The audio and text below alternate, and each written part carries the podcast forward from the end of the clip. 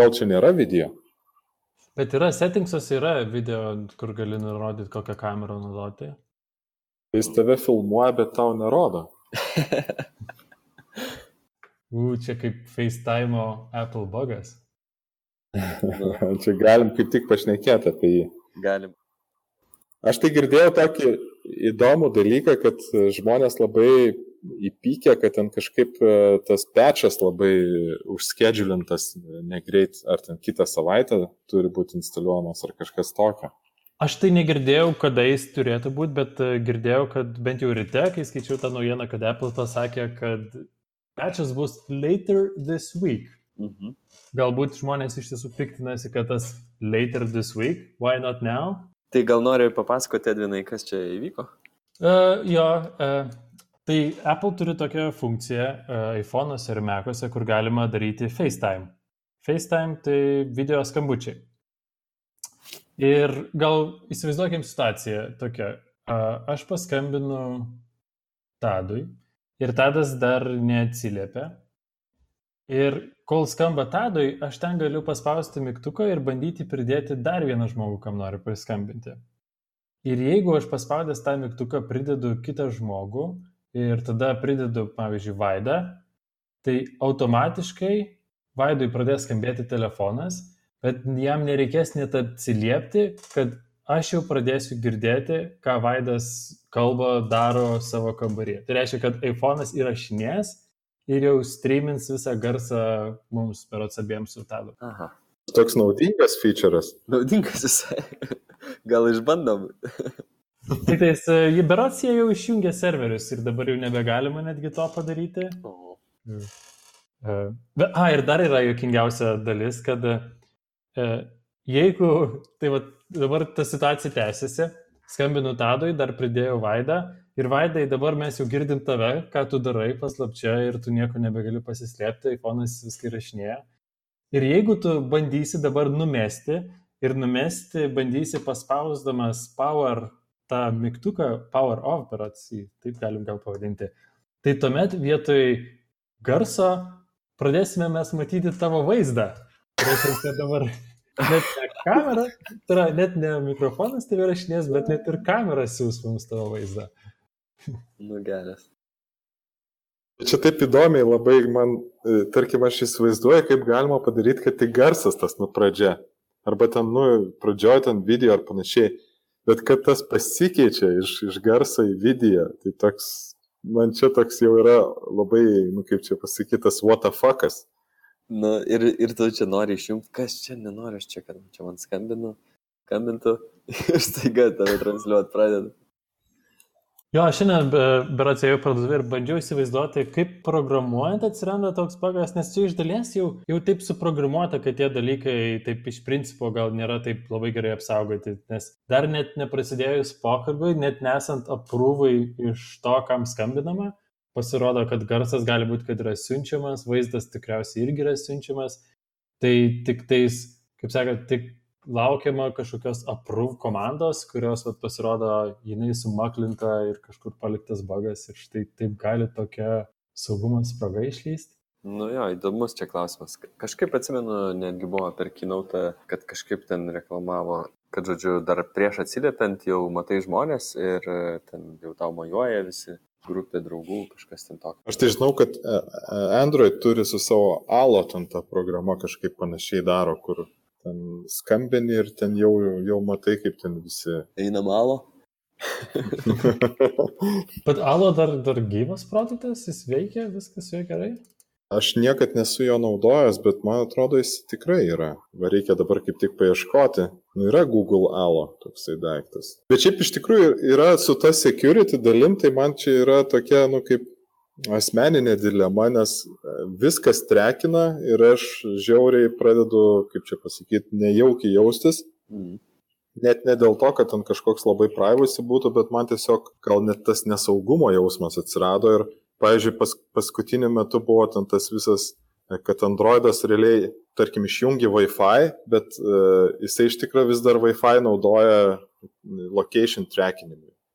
Tai toks, vat, irgi įdomus. Tai dabar, pavyzdžiui, padarė, kad jau normaliai gali varnelę uždėti, kur tą location trackinimą išjungi ir panašiai. iš tikrųjų kiek yra tokių, vat, kaip ir black tri triksų, kur, kurie iš tikrųjų tave apgauna, tau atrodo, kad viskas yra gerai, bet iš tikrųjų tave įvilioja kažkur ten kažką padaryti, kad tau nežinant.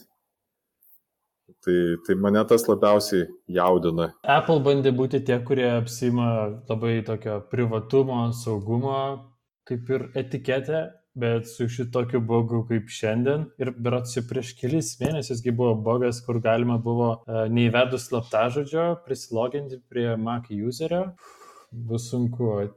Reputacija gal ir atsistatys, bet aš įsivaizduoju, kad šiandien po šiandienos naujienos tiek daug žmonių išsijungia tą FaceTime visam laikui, Ir man rodos, jie daugiau niekada šitą dalyką nebeįsijungs. Bet šiaip yra kitas labai turbūt toks uh, įdomus klausimas, o kaipgi iš tikrųjų atsitinka, kad taip susiprogramuoja visi šitie dalykai. Aš tai turiu tokią hipotezę, kad čia yra tiesiog eilinis hekas kažkur, nu tarkim, sistema tau gal žmoniškai kažko neleidžia. Sakykime, turi kokią nors tokią proprietary sistemą, kur tu gali, pavyzdžiui, pahakinti ir išreleasinti produktą, tas produktas galbūt stabiliai veikia, Ir paskui turbūt niekas nebefiksina, nes ir pamiršta žmonės, nes ten kokia dviejų žmonių komanda padarė ir paskui viskas ok būna. Tai man atrodo, kad va čia per visas tas security spragos va šitaip ir atsiranda toks.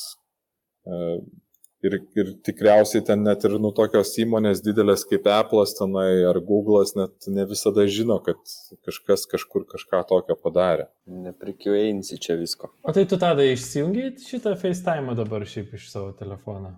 Aš tai ne, žinok, aš ir biškai pavėlavęs šitą naujieną, tik tais perskaičiu, kai tu paminėjai, tuo metu, žinai, pasigūglinau ir... Tai gali būti, kad visą dieną tave kažkas ir įrašinėjo. Tai tik tokiu atveju, jeigu skambintų, ar ne? Ir skambinti turi per grupinį tą, kur ne tik vienas žmogus, ar ne? Jo, tikriausiai taip. Tikriausiai taip. Tai aš, aš tą ir grupinį FaceTime, FaceTime visai naudojau su šeima. Visai smag, smagiai ten pasiskambinam.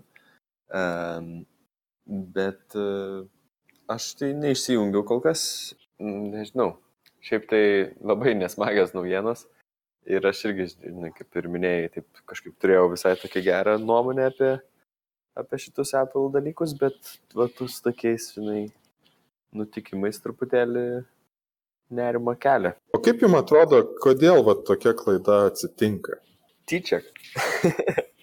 Man atrodo, jeigu va, taip pat išaiškėja tokie dalykai, tai, nu, tai nėra labai naudinga įmoniai. Reiškia, kažkur kažkas tą padarė arba labai jau žioplai, arba kažką kito sprendė ir sakė, nu tai čia turbūt e, laikinai mes taip išsprendžiam ar kažkaip. Nes aš abejoju, kad ten taip jau nepagalvoja žmonės apie tokius dalykus. Aš tai galvoju, kad žinok, čia labai nekaltai tokios tokie bogai atsiranda.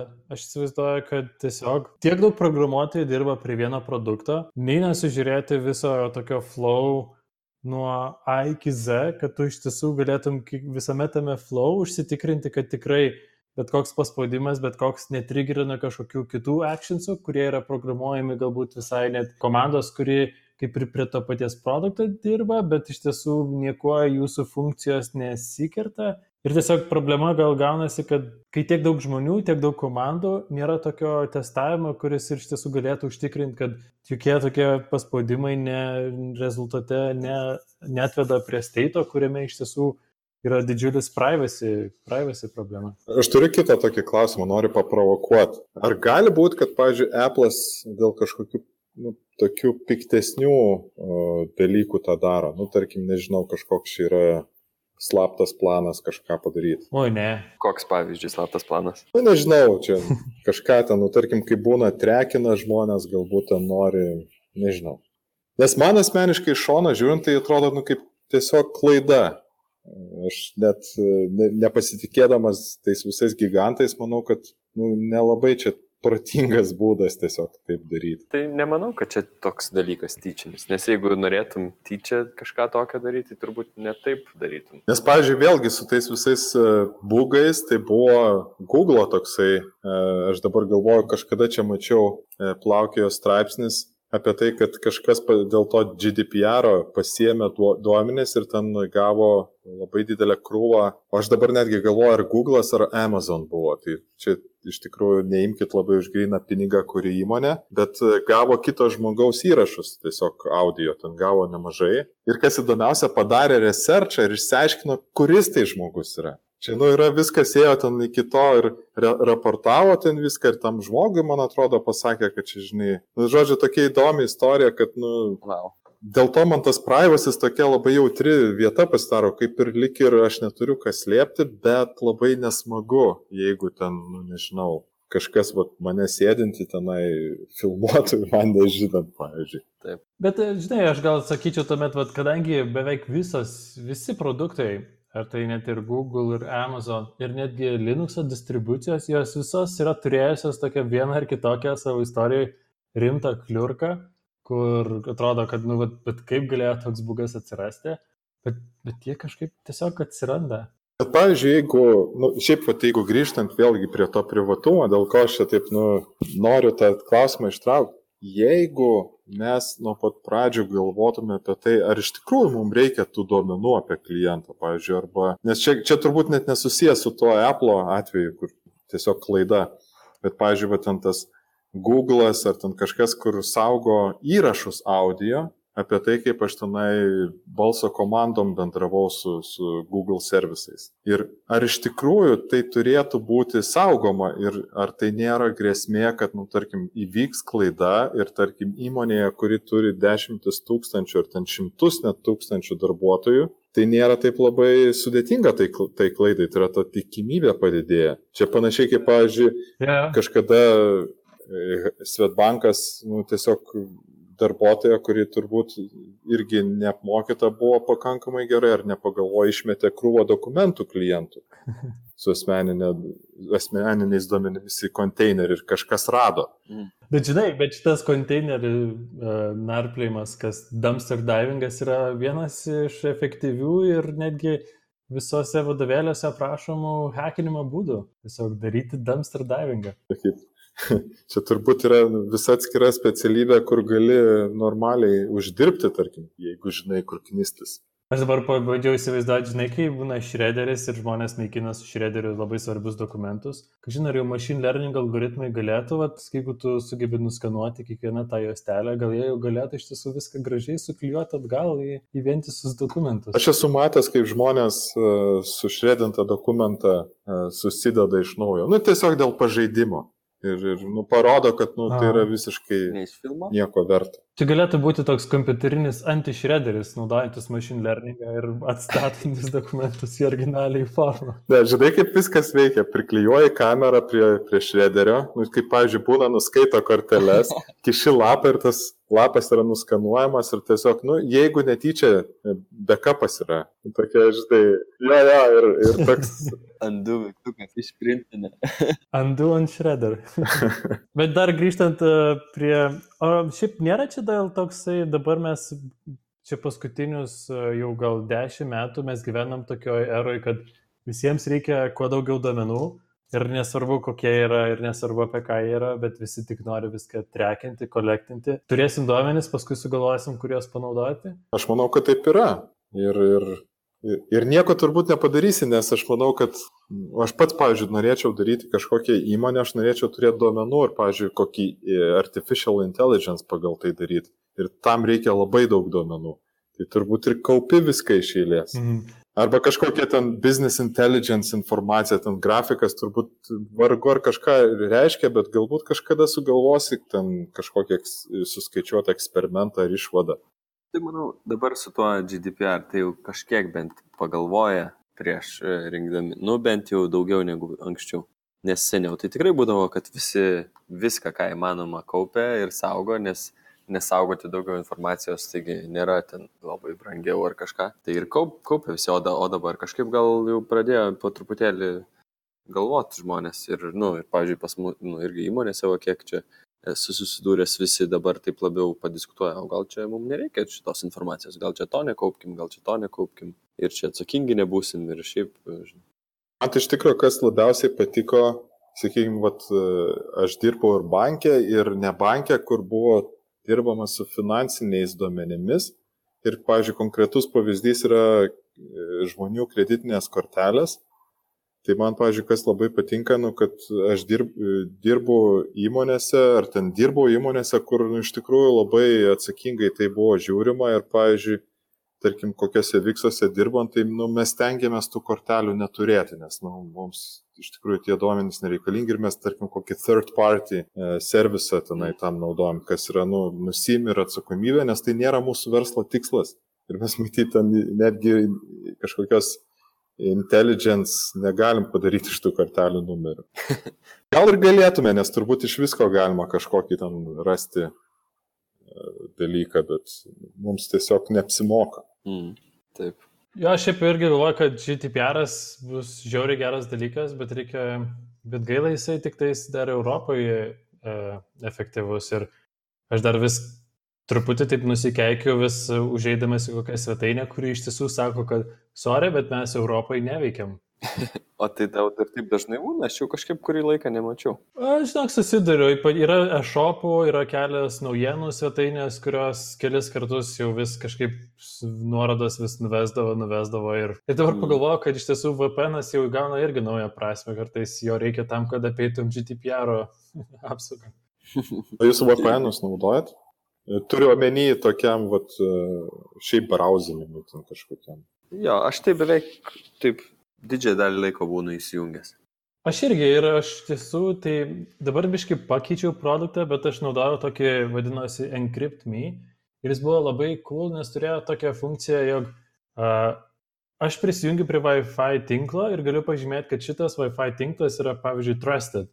Ir jis automatiškai, jis aktyvuodavosi visuomet, jeigu aš esu prisijungęs prie untrusted Wi-Fi'aus.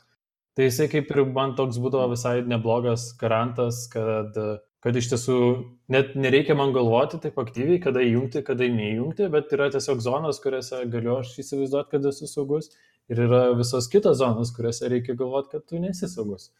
Tai šiaip kaip produktas labai geras. O kas jums sukuria pasitikėjimą tais VPN?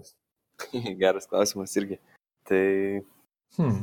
Nes buvo irgi čia kažkur e, išlindę skandalų, netgi man atrodo su mūsų ten tais tesonet susijęs kažkaip ten, kad irgi logino ten truputį ne tai, ką reikia ir ten kažkas tokio. Tai. Bet aš vėlgi nenoriu čia pasakyti apie įmonę, kur tiksliai nežinau, ar ten buvo kažkas su to susiję. Tai neimkite už gryną pinigą. Tai žinai, šiaip, aišku, tai VPNais tai tikrai nu, yra kaip ir turėtų būti, nu, jeigu tu nepasiti, nepasitikė įmonė, tai kaip ir tada, nu, daug kas ant to, ant to pasitikėjimo paremta su VPNais. Ir žinai, kadangi tai, taip yra jautru tenais, tai labai daug yra vyksta to tokio purvo drapstymosi to industrijoje. Kiek matau, tai ten, žinai, visi vieni ant kitų rašo ten straipsnius, ten, žinai, šmeižia, o kiek ten tiesos iš tikrųjų, tai irgi dar neaišku. O jūs, pavyzdžiui, kokius nors ten Tor networkus ar panašius dalykus svarstėt kaip galimybę, ar, ar netinka dėl kažkokio? Aš tai net nesvaršiau, nes vieną kartą yra, bet čia iš tiesų praėjo daug laiko. Dar, aš nežinau, ar dar Silk Road dar vis egzistuoja, jūs bandėt pirkti narkotikų arba domenų? Kiek girdėjau, tai neegzistuoja, bet nelabai aš tiksliai žinau. Nes aš atsimenu, kad vat, norėjau iš tiesų, buvo toks tikslas patikrinti, ar nėra prekyboje kai kurių domenų, kurie žinojo, kad yra, buvo pavokti. Ir vat, norėjau tada visur pa, na, praieškoti ir tada teko aktyvuotis tą TOR tinklą ir tas greitis, kurį patyriau per tą TOR tinklą, kažkaip ir nesukūrė visiškai jokio optimizmo, kad, kad galėtų toras būti toks labai user-friendly. Bet ką norėjau dar papasakoti, iš tiesų dabar, aš taip ir nepapasakoju, kad dabar iš tiesų nebenaudoju to VPN kliento, kurį naudoju anksčiau, bet dabartinis, kurį naudoju, jis turi iš tiesų tokią vat, įdomią funkciją, kuri vadinasi multi-hop. Ir tas multi-hop veikia tuo principu, jog tu būni prisijungęs ne prie vieno kažkokio VPN serverio, bet esi prie kelių ir visas tavo trafikas yra iš tiesų taip randomly išmėtomas, tam, kad būtų tik dar sudėtingiau. Tai iš dalies čia, aš irgi iš tiesų kvestionuoju visą laiką, kaip galima pasitikėti VPN provideriais, bet vad gal toksai mūsų ateitis yra tokia turėti multi-hop VPN, kuris iš tiesų netgi taip switchintų network paketus per skirtingus uh, providerius. Ir galbūt netgi iš to sulibdytų galutinį rezultatą, kurį requestinau. Mm. Tai jisai switchina per, skirtingus VPN providerius? Uh, jis, ne, jis switchina per skirtingus serverius, bet dabar viskas dar priklauso tam pačiam VPN provideriui. A, mhm. O, ka, o kas jums, pavyzdžiui, sukuria pasitikėjimą, tarkim, vienu dalyku ar kitu, nes, nu, tarkim, pavyzdžiui, abu du paminėjot, kad VPN'us naudojat, bet, sakykime, Apple'as atrodo patikima kompanija. Ka, kas sukuria visą tą dalyką? Marketingas? nu, iš dalies tai taip. Ne, iš tiesų, man atrodo, kad e, man tai iš tiesų kol kas marketingas yra, bent jau ypatingai VPN klausimu, taip kaip jie frazuoja dalykus ir kokiais dalykais jie giriasi ir kaip jie akcentuoja. Iš tiesų, kol kas tai yra vienintelis dalykas, kurio galiu sakyti, kad e, kodėl pasirinkau. Bet Aš dabar bandau atrasti, bet nieko neradau. Visai neseniai skaičiuoju apie VPN, kuris e, reklamuojasi apie tai, kaip jis būna audituojamas. Bet aš nesu tikras net ar auditas šiais laikais galėtų būti labiau toks trustworthy negu tiesiog. Aš taip pat ir plus bandau, žinai, pasi, paskaitinėti kažkokius ten blogus, žinai, kažkokius ten forumus, nors ten juose ten irgi, žinai, kiek ten kom gali pasitikėti, tai neaišku, nu, pasiklausinėjai, ką draugai kokie naudoja, žinai daugmaž iš to bendrai kažkokį susidarai vaizdą, bet, bet tikrai ten iki tokio užtikrintumo tai toli. O tai vaidai plauk, tu neatsakėjai, ar tu naudoji VPN? -ą? Aš iš tikrųjų nenaudoju VPN, -o. čia turbūt yra nu, toks klausimas, ar turėčiau.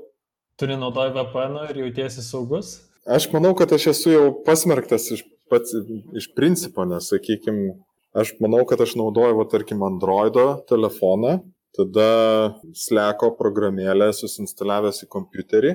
Turiu dar ten porą įrenginių namie ir aš manau, kad nu, man nebėra vilties jau tiesiog. tai aš truputį esu pasidavęs, bet aš iš tikrųjų labai pradedu tuo bent jau po truputį vis galvoti ir vis kažkaip vis ryšti bereikalingus visiškai dalykus. Nu, tarkim, labai atidžiai pradėjau žiūrėti, ką aš į telefoną instaliuojuosi, nu ten tarkim kažkokius appsus ar panašiai. Visokių pilna pas mane ten browseryje apribojimų, kad ten mane mažiau trekintų ir iš tikrųjų reikia pastebėti, kad tie dalykai veikia, nes aš atsimenu, e, kol aš nebuvau ten labai smarkiai užspaudęs, tai man Facebookas ten būdavo taip greit pasakydavo e, pasiūlydavo kažkokį produktą, kur, kad aš net nespėdavau sugalvoti, kaip jisai man sugalvojo tą pasiūlyti, nes man atrodo, aš tik ką pagalvoju ir aš tada, aha, pagal history matau, kad, okei, okay, aš buvau iš tikrųjų nuėjęs ten į kažkokią parduotuvę greit pasižiūrėti kažką. Ir tada paskui žiūriu, kad, aha, jau iš karto man reklama rodoma yra e, kažkokio daikto. Tai sakykime, tokių dalykų tikrai mažai pasidarė, plus dar ir Facebooką šiek tiek, manau, ten patiuninau ten jis turi nemažai nustatymų. Tai visi tie dalykai padeda ir, pavyzdžiui, kas man visai patiko, dabar Firefox'as labai stengiasi visokių ten apribojimų daryti, plus pradėjau labai daug naudotą DuckDuckGo e, paieškos e, servisą, tai gal tas kažkiek padeda, bet nežinau. O jo, įdomu, kad paminėjai DuckDuckGo. E, ar sugyvai gyventi be Google ir vien tik su DuckDuckGo? Aš iš tikrųjų Google dabar iš principo naudoju tik tai Mapsam. Ir tai, man atrodo, kad DuckDuckGo daro daugybę dalykų, kuriuos aš galėčiau daryti, bet aš turiu prisipažinti, kad aš vis dar telefone turbūt e, pagrindę naudoju e, Google servisus, nes nu, jie ten labai man ten integruojasi gražiai ir aš tik dėl to. Bet aš telefone, pavyzdžiui, naudoju Brave naršyklę, kuri man labai patinka man jinai kažkaip neprigijo desktopę, bet Brave naršyklė tai man ypač dėl greičio patinka, nes e, jinai ten iškerta visus trekerius, visokius bereikalingus daiktus e, ir tiesiog greit puslapiai kraunasi. Manau, tas labai patinka. Čia bus šiek tiek e, nukrypimas nuo temos, bet prisiminiau visai buvo neseniai tokia plati naujiena apie tai, kaip DuckDuckGo pereina nuo Mapbox į Apple Maps ir kas buvo Aha, jo, jo. Kas šiaip irgi yra labai beprasme naujiena, nes Mapbox buvo šiaip labai geras dalykas, jis buvo paremtas OpenStreetMap ir jie nei užsiminėjo kažkokiu trekinimu, nei tai buvo susijęs su kažkokiu evil planu ir tarsi tai buvo priimta kaip, oho, didelė gera naujiena, tai mane tas labai nuliūdina. Bet dabar prisimenu, kad labai neseniai Apple atnaujino žemėlapius ir jie taip pat kaip ir Google Maps turi satelitinės nuotraukas. Ir juokingiausia dalis yra, kad būtent yra atnaujintas satelitinės nuotraukos ir visas Vilnius yra grinai tiesiog debesyje. O žiūrėkit, čia nėra taip, kad koks nors Apple'as uh, gal planuoja, tarkim, atsikratyti kokio Google ir, ir ten padaryti viską ant kokio DuckDuckGo ir čia gal yra kažkokia kolaboracija ar kažkas. Na, nu, tadai tu papasakok Vaidui, nes jis ne Apple vartotojas, jis dar to nežino. Apie tai, kaip DuckDuckGo yra labai gerai integruotas į Apple. Ai, tai taip, nes jie jau e, kaip ir senai jau turi tą e, opciją pasirinkti savo nu, defaultinę paiešką.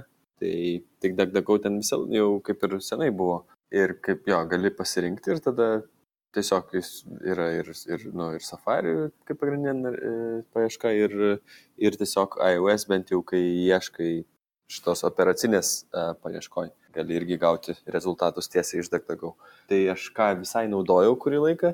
Klausimą dar norėjau čia užduoti, pavyzdžiui, kodėl jūs pasirinkote DuckDuckGo, o ne, tarkim, kažką, žinai, iš... Uh, Binga? Nu, yra kitų, kitų ten tų tokių uh, labiau uh, privacy sensitive paieškų. Aš net nesu nieko girdėjęs, kas dar yra per DuckDuckGo, Bingo ir Google. Tai nes kad DuckDuckGo, tai kas irgi įdomu, tai jie vis tiek yra irgi verslas, kur jie taip užsimarketinė neblogai ant to privacy, bet kažka, aš ten tokių ir neigiamų dalykų apie juos paskaitęs visai. Nors ir pats aš visai juos ir naudojau, dabar čia vėl Google biški naudoju paieškai, bet uh, taip šokinėju su tą paiešką. Tai yra toksai e, MetaGer, ar MetaGer, nežinau kaip čia įsitarėsi, ir SerX, tai kaip search, bet vietoj, vietoj mhm. CH yra X. Aš tai iš tikrųjų irgi nesu labai girdėjęs ir Šitas RX man, nežinau, kažkodėl labai X raidės yra užbrandintos su, pavadinkime tai, suaugusiųjų turiniu.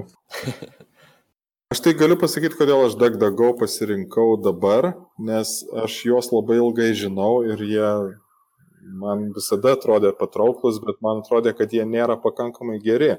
Bet aš pastebėjau, kad jie turi labai gerą integraciją su visokiais ten program, su programavimu susijusiais dalykais. Aš, aš labai dažnai paiešką naudoju netgi, nu, ne paieškai, o ten suskaičiuoti kažką ar tenai pasikonvertuoti unitus ir tą dažniausiai darydavau su Google ir staiga pradėjau su DuckDuckGo daryti ir tas irgi veikia.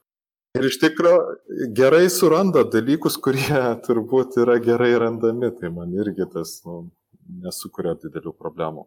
Aš kartais net pasileidžiu Google pasižiūrėti, ar ten labai skiriasi ir, ir taip kažkaip nėra labai didelės tokios. Nebent ieškau kažko labai tokio nu, ką sunku surasti, nu, tarkim, kažko ieškai, kas tau išspręstų kažkokią problemą ir negali rasti, tada, nu, tarkim, nu, okei, okay, pabandysiu dar ir ten. Mhm. O tu naudoji e, bengus? Ne. Nes e, iš tiesų mano didžiausias, e, didžiausia problema su DuckDuckGo būdavo, kad kartais iš tiesų tu žinai, kad ieškai jau, pavyzdžiui, programavimo eroro ir tu žinai, kad DuckDuckGo tikriausiai nereik, neras ir tau reikės eiti į Google Bet iš tiesų, čia man tai lūžio taškas buvo priprasti prie panaudojimo, žinot, kada panaudoti Google šauktukas e, ir tą žinutę ir jis automatiškai redirectins tau tiesiai į Google.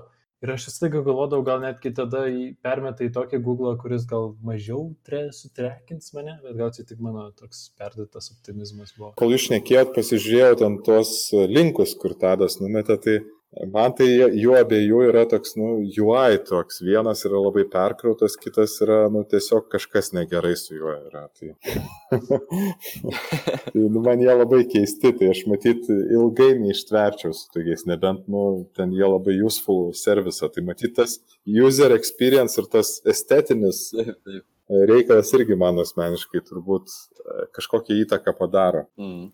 Tai taip, tai aš jų irgi nenaudoju, aš tik šiaip e, dėl kaip argumentą tokį norėjau paminėti. Vaidai, tai gal dar pakalbėkime apie tavo pasiūlytą temą apie Mozilla ir jų varikliuką. Taip, kad jau čia užsiminėm netgi apie Firefox'ą. Tai aš iš tikrųjų noriu pa, tokį, nu, pasakyti dalyką, kad aš turbūt niekad Chrome nenaudojau, išskyrus mobiliakę.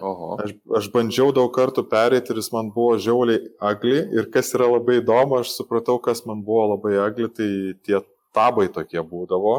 Ir dabar padarė Chromas iš tikrųjų tabus tokius, kurie man patinka ir daugam nepatinka. Mhm. Tai, tai tarkim, techniškai būtų kaip ir galimybė, bet aš per visą tą laiką, matyt, to privacy vis, vis stipriau ir stipriau pradedu galvoti ir man Firefox'as yra, turbūt nėra ta, tarkim, Mozilla nėra ta įmonė, kur aš būčiau labai patenkintas ją, bet aš tiesiog labai nu, laikau sukryžiavęs pirštus ir galvoju, nu, aš labai linkiu, kad jie išliktų ir man atrodo, jie labai reikalingi yra ir man labai gaila, kad jų market share yra toks mažas. Nes produkto prasme tai jisai tikrai yra geras tas produktas. Nu, sakykime, aš vat, kiek naudoju, tai man jisai atrodo ten e, ir, ir developerio experiences yra labai geras ir taip toliau. Tai, tai, tai man čia buvo tam, kai aš išgirdau, kad Microsoftas e, pereina ant, ant Chrome engine ten to, tai man buvo toks truputį liudesys. Nors kai kam galbūt čia yra laimėjimas, kad nebebus Internet Explorer ar ten Edge ar panašiai. Tai, tai va, čia toks, nu, įžanga iš manęs. Mhm. Tu vadin, nesi webo programuotojas tikriausiai, nes jeigu tu būtum daugiau ar mažiau webo programavęs, tikriausiai Chrome būtum neišvengiamai kažkaip vienu ar metu aktyviai naudojęs? Man kiek teko kažką daryti, aš visada kažkaip randu tuos dalykus, kad jie iš tikro egzistuoja Firefox'e ir, ir tas vat, labai keista man būna, kai žmonės sako, nu jo, čia turbūt tas yra patogiau, bet e, man labai įdomu būtų turbūt su tokiu vat, žmogum, kuris e, atsisėstų ir sakytų, va, to nėra, to nėra, to nėra. Tas labai įdomus. Vat...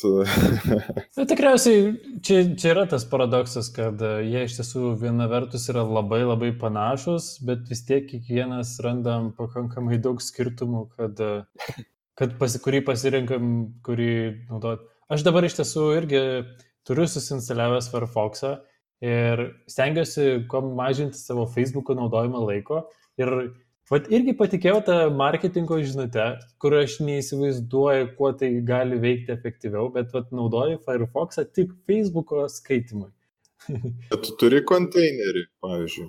Ai, tu, tu tarsi bandai tiesiog, kad būtų sunkiau į Facebooką nueiti, ne? Pas, jo, būtų, sunkiau ir, būtų ir sunkiau į Facebooką nueiti. Taip pat Facebookas manęs nesektų su savo laiko batonų, batonais, kurie yra išmėtyti per visus kitus portalus.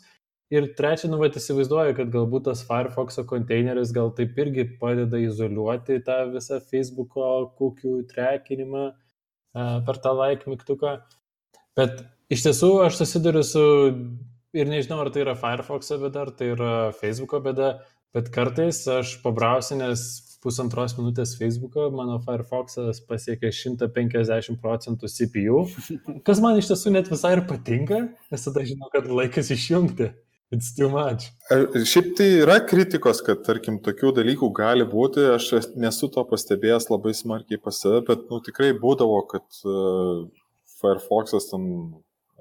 Čia yra turbūt labai panašus dalykas, kad kai sakydavo, kad Chrome'as visą atmintį suryja, tai Firefox'as turbūt CPU truputį daugiau ryja procentaliai. Bet kitas dalykas, kas man iš tikrųjų labai patinka, tai va tie konteineriai. Ir aš juos kuo toliau, tuo labiau naudoju. Ir, pavyzdžiui, vienas iš saitų, kurį konteineriuose atidarinėjau, ir, ir turbūt ne visiškai sėkmingai, nes yra nuo domenų dar labai priklauso, tai yra mediumas. Ir aš turiu, pavyzdžiui, čia visokių extensionų prisinstaliavęs ir man tas mediumas atsidaro į tokias, toks gana skaitomas pasidaro ir jisai nieko nebetrekina. Tai man vat, irgi vienas iš tokių. Tai mediumas irgi turi tokį konteinerį extensionų? Ne, aš tiesiog Firefox'as turi konteinerius ir, ir tai, ką jis daro su Facebook'u, tai turbūt yra labiau marketingas, man atrodo.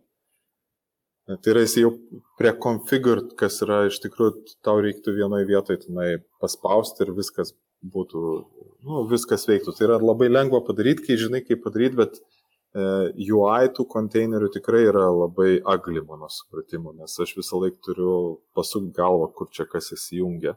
Nors ten iš tikrųjų yra nu, viena funkcija ar dvi. Kaip, kaip pavadinimą, spalva ir, ir ką ten tas konteineris, kokį urlą atidarinėtų, gali padaryti.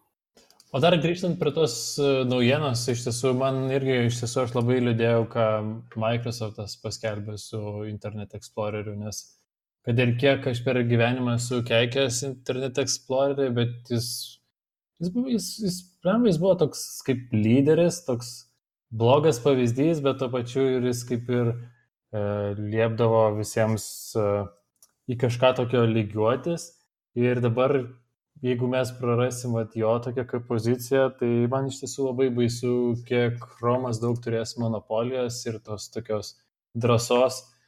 Galbūt ne tai, kad e, iš tiesų kažką blogą daryti, bet kiek drąsos eksperimentuoti ir kartais nebūtinai vartotojams naudingais uh, sprendimais. Tai čia, žodžiu, man atrodo, blogas žingsnis mūsų webo erai. Ir, ir mane kas labiausiai turbūt, nu, tas toks Microsoft'o paraginimas, kad uh, Firefox'as lyg ir irgi turėtų tą žingsnį žengti, kaip ir jisai, jeigu taip jau pasižiūrėtų racionaliai mastant, tai gal jis ir nėra labai blogas paraginimas, nes, nu, turbūt būtų lengviau progresuoti ir tas greičiau vykstų viskas.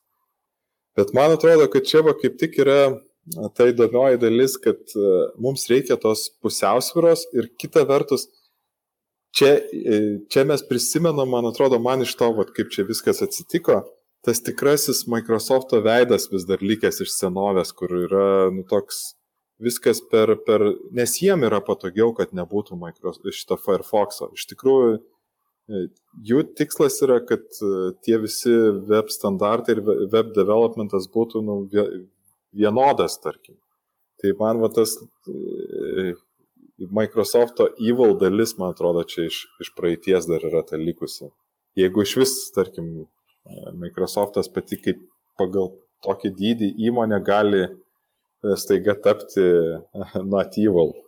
Chromiumas yra visas tikriausiai tas paketas to, ką, ką, po kuo įeina tas visas renderinimas, bet tikriausiai ir daugiau negi ne tik renderinimas pačio webo.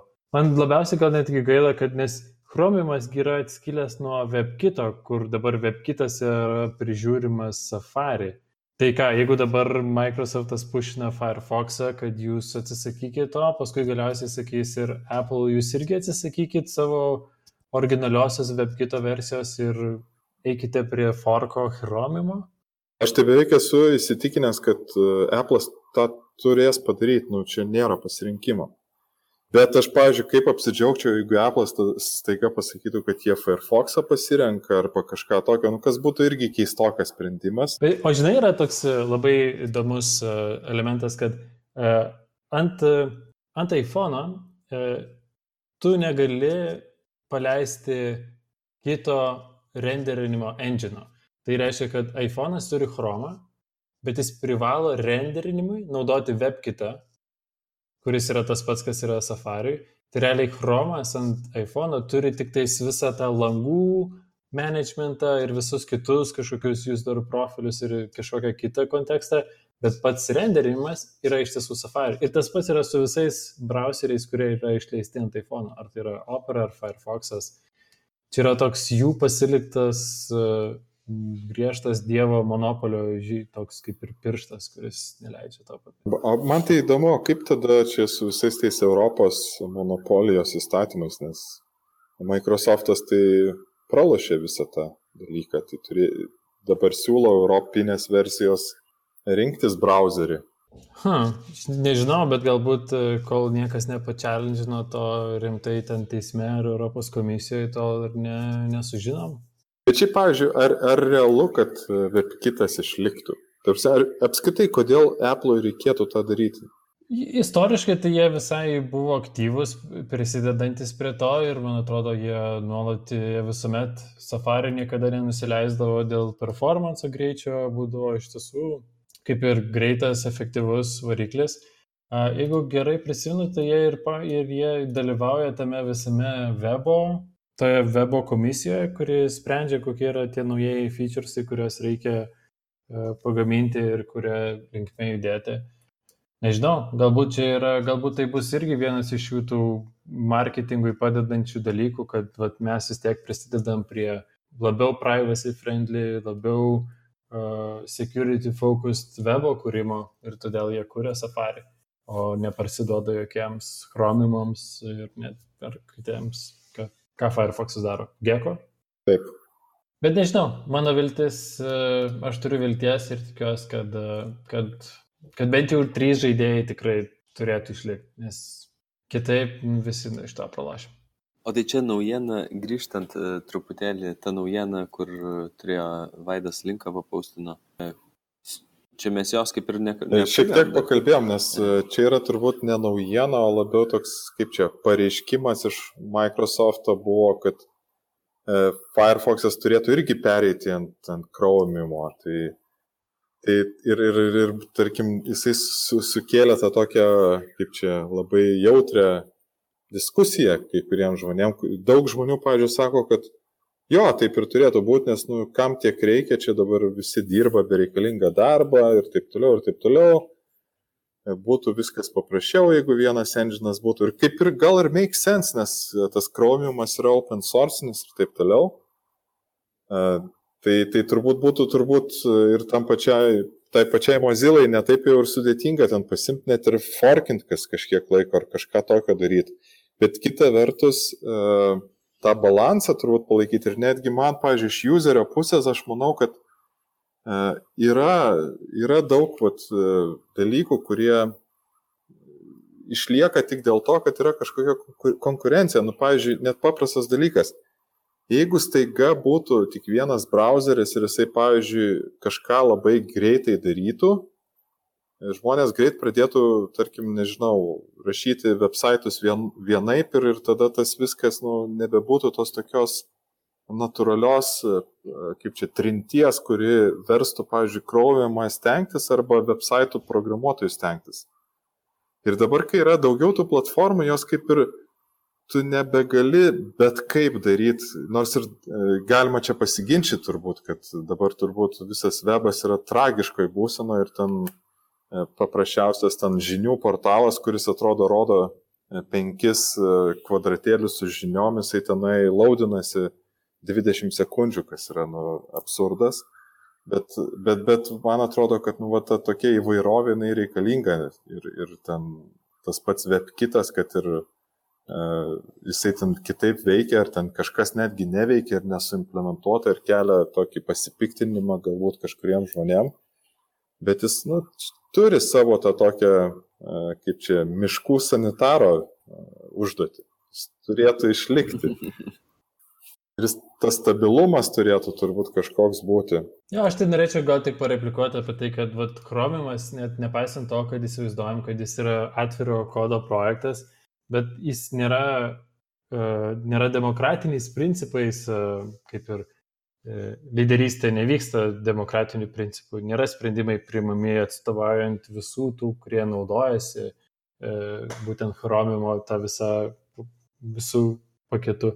Ir nežinau, man atrodo, vat, ką, ką tas galimybė atsiforkinti tokį projektą kaip Chromimas, net tam pačiam Firefox'ui, būtų paskui labai sunku, jeigu tu nori iš tiesų išlikti upstream su naujausiais tobulinimais ir iš tiesų lygiuotis, O jeigu tu nedarai to vadinamo vat, apstreaminimuose, tai tu vadinasi grįžti prie to paties, kad tu turi pats rūpintis tuomet, ką tu pasirinkai įgyvendinti, ko tu nepasirinkai įgyvendinti.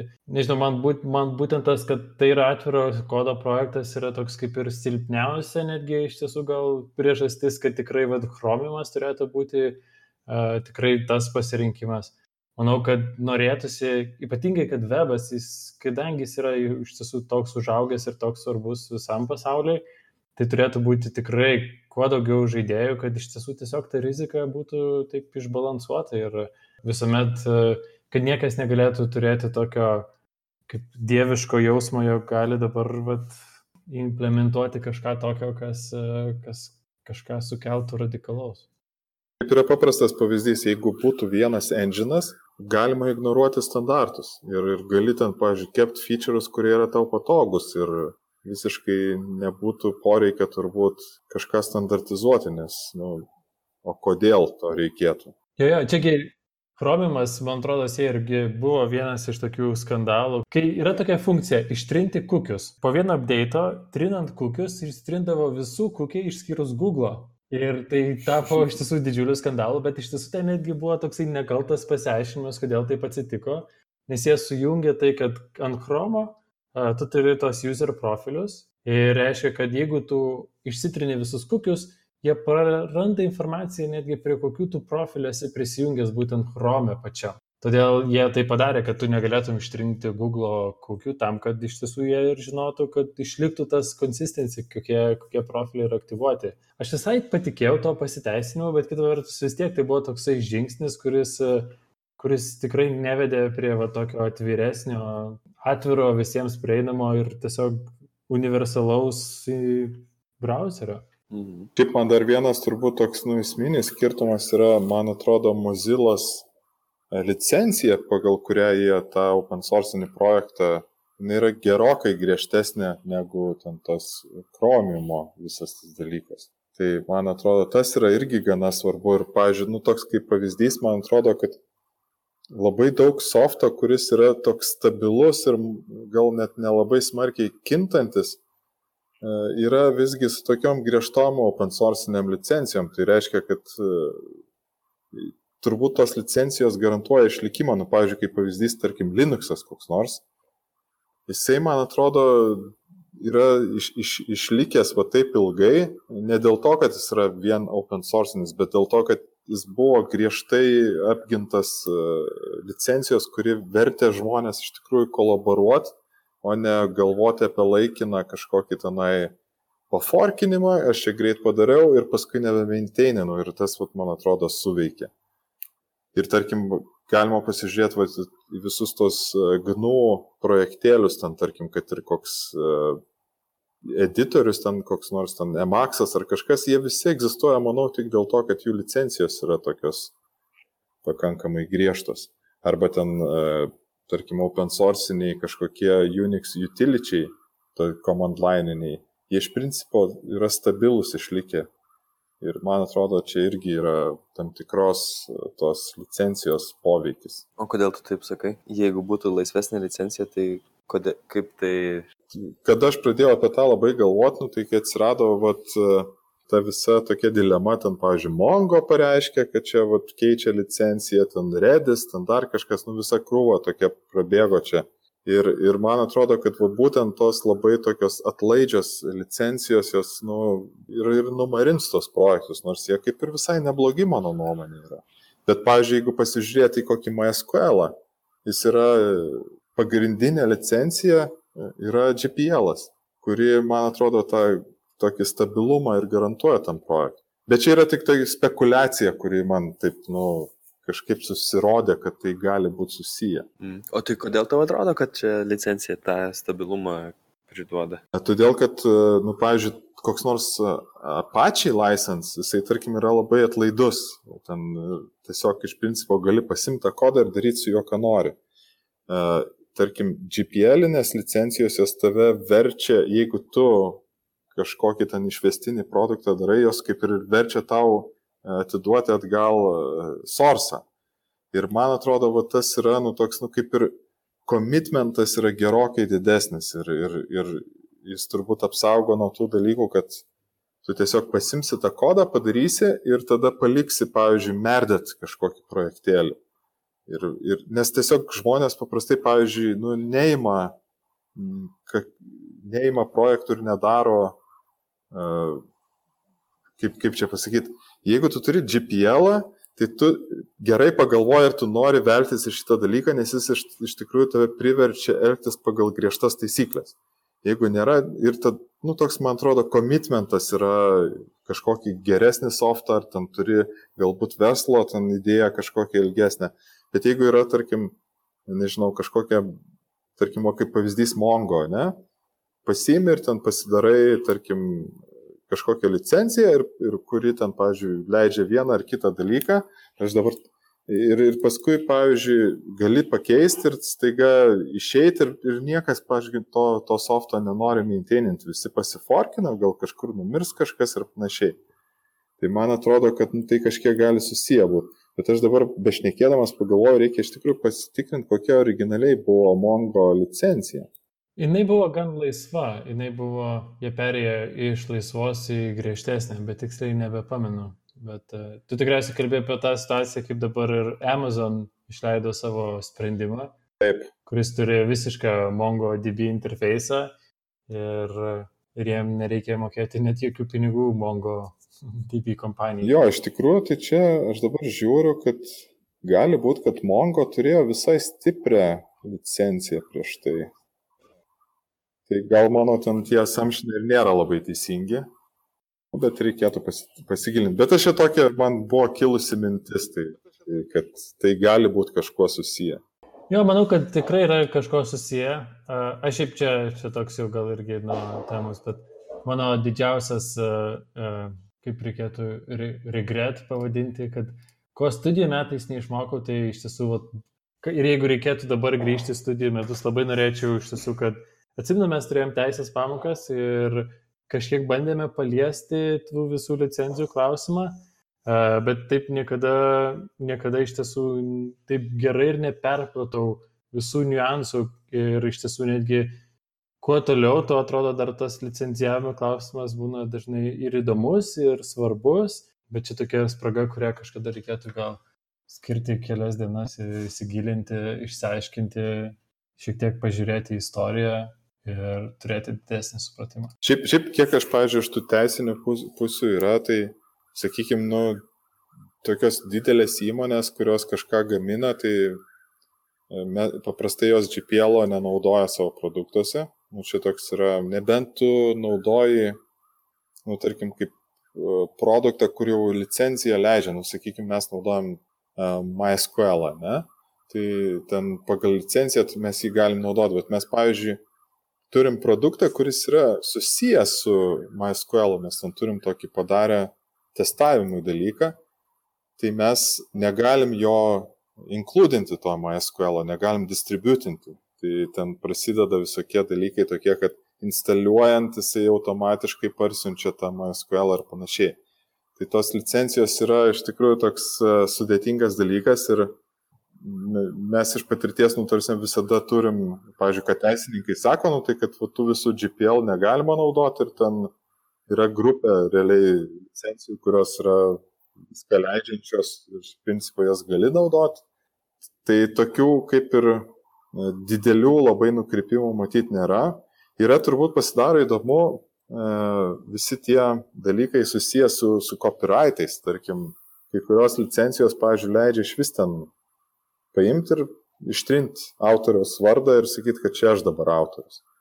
Bet yra licencijų, kurios būtent vien tik tai tą ir verčia tau padaryti. Pavyzdžiui, man atrodo, liktais ta MIT licencija ar kažkuri kita, nerealiai sako, kad tu viską gali pakeisti išskyrus negali uh, ištrinti, kas autorius yra. Tai, tai čia yra toks, vat, matyti, esminis dalykas, kurį irgi kartais lengva pražiopsoti. Ja, ja. Čia, žinai, kaip pagalvoju, yra visai nemažai dimensijų. Yra dimensija, ką, ką tu gali, kaip, kiek tu gali naudoti tos, tos open sourcinės, tarkim, įrangos, kurią tu pasiemi. Tada kiek tu gali jos modifikuoti, kiek tu gali išleisti kitos programinės įrangos, kuri įtraukia tavo jau kitą open source programinę įrangą su irgi kaip tos licencijos tarpusai sąveikauja. Jo, šita, ir šitas pasaulis dar tik tais, man atrodo, dar tik tais dar labiau komplikuotės, nes kas kiek, vis kažkiek laiko atsiranda vis po dar vis nauja licencija.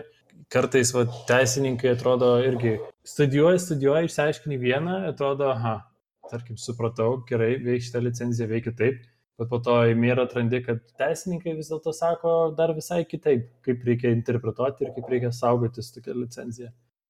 Uf, sudėtingas pasaulis. Aš dar galbūt tokią pabaigą, šiaip iš tikrųjų tai e, labai įdomi situacija yra, kodėl dažnai kyla tos problemos su tom licencijom.